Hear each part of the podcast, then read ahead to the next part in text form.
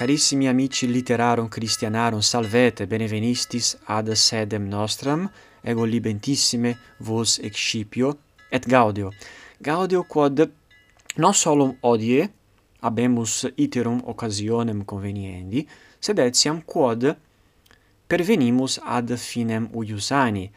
Mea sententia ec est postrema pellicula, postremum acroama, uius anni bis millesimi alterius et vicesimi iam ad finem vergentis et sic possumus optime concludere uh, uius anni decursum et gaudio quod non solum multa agere potuimus presertim posteriore parte anni nam priore parte non multum tempus subsicivum mihi fuit sed multa agere potuimus posteriore parte, et non solum vos spectavistis, pelliculas et audivistis acroamata, sed etiam multos commentarios scripsistis, et sic me provocastis ne pergerem acroamata in lucem edere, ergo gratias plurimas vobis ago.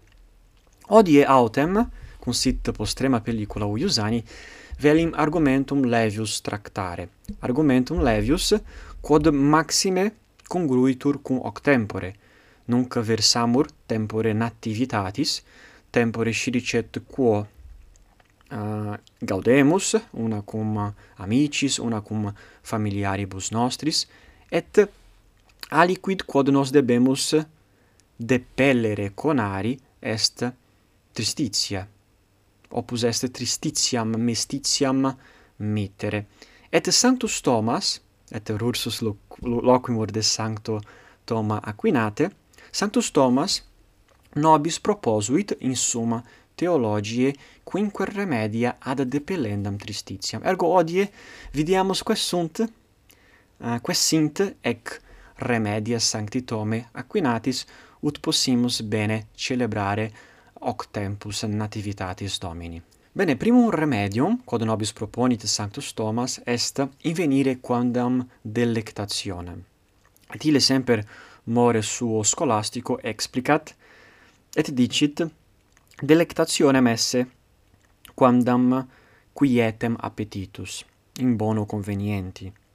Trist tristitiam autem esse, id quod appetitui repugnat.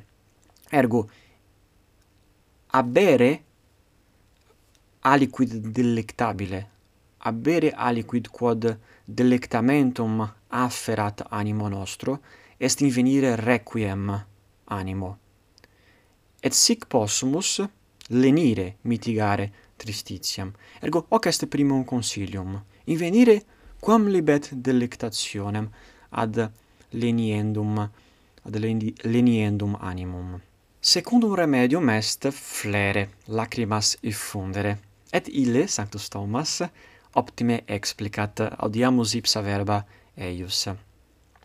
Omne nocivum interius clausum magis affligit, quia magis multiplicatur intensio anime circa ipsum. Id est nos comprimimus aliquid nocivum intus, animi intensio multiplicator, quia nos incumbimus in illam rem, maiori solicitudine illam rem spectamus. Et ile pergit, sed quando ad exteriora diffunditur, tunc anime intensio ad exteriora quodammodo disgregatur, et sic interior dolor minuitur. Id est cum foras proicimus illum dolorem ec res diffunditur, et sic dolor interior minuitur. Et, et propter hoc ah, uh, inquit ille, quando homines qui sunt in tristitiis exterius suam tristitia manifestant, vel fletu, aut gemitu, vel etiam verbo, mitigatur tristitia. Et secunda causa est, quia semper operatio conveniens homini, secundum dispositionem suam, est sibi delectabilis. Id est, cum homines tristes sunt, afficiuntur tristitia, quasi natura sua flent, plorant, lacrimas effundunt.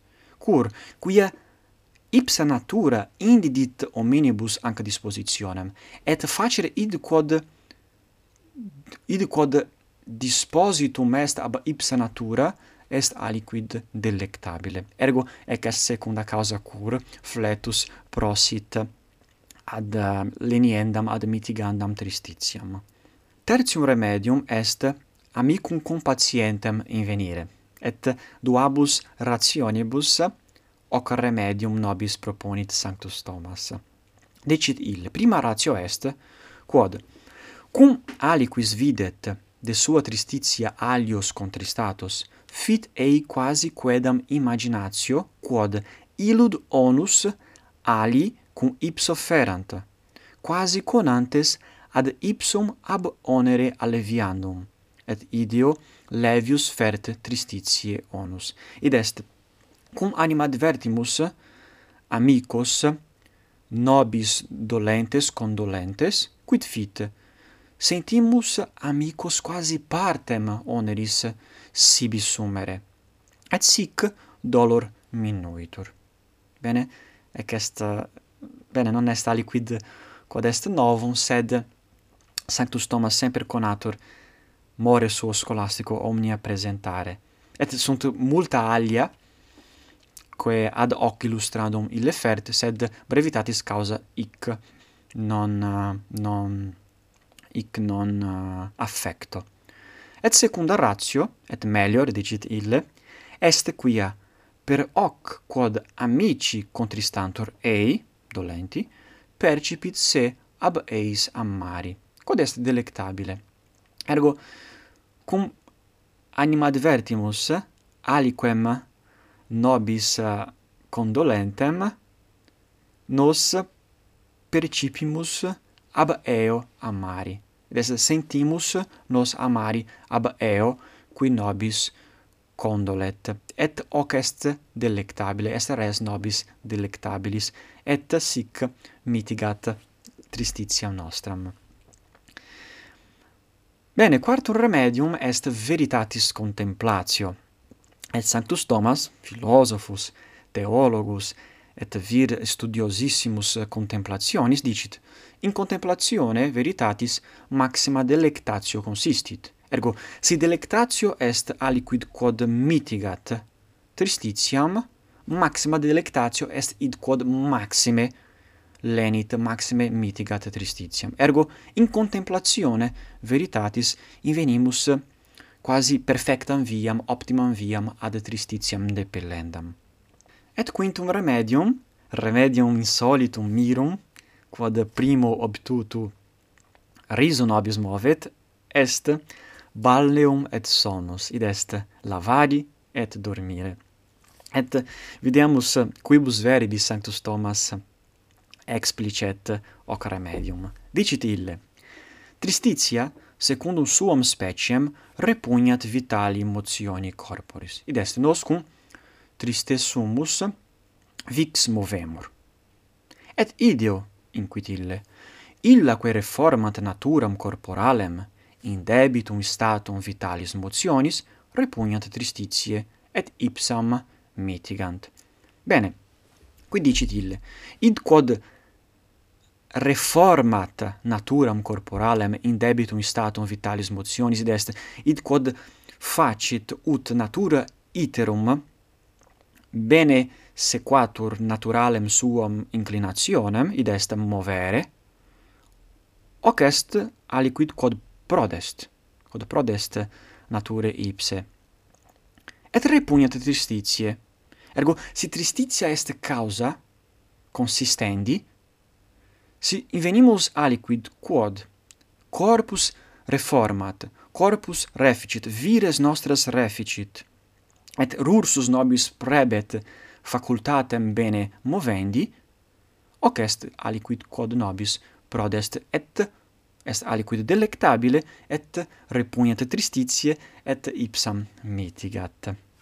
Ergo, uh, bene, ex sunt quinque remedia, quae nobis proposuit Sanctus Thomas, et uh, spero vos uh, si quodam modo tristes estis, posse eh, uh, aliquar remedia adibere ad eh, mitendam maestitiam et sic bene celebrare uh, una cum amicis una cum familiaribus hoc tempus pulcherimum nativitatis Domini et sic bene incipere uh, sic bene agredi novum annum qui brevi incipiet. Ergo gratias plurimas vobis ago et uh, vos eh, valed vobis valedico et spero rursus vobiscum versari anno proximo et sic multa nova uh, una facere. Ergo bene ex opto vobis optimum natalem domini et etiam optimum novum felicissimum novum annum. Gratias vobis ago et in proximum. Valete.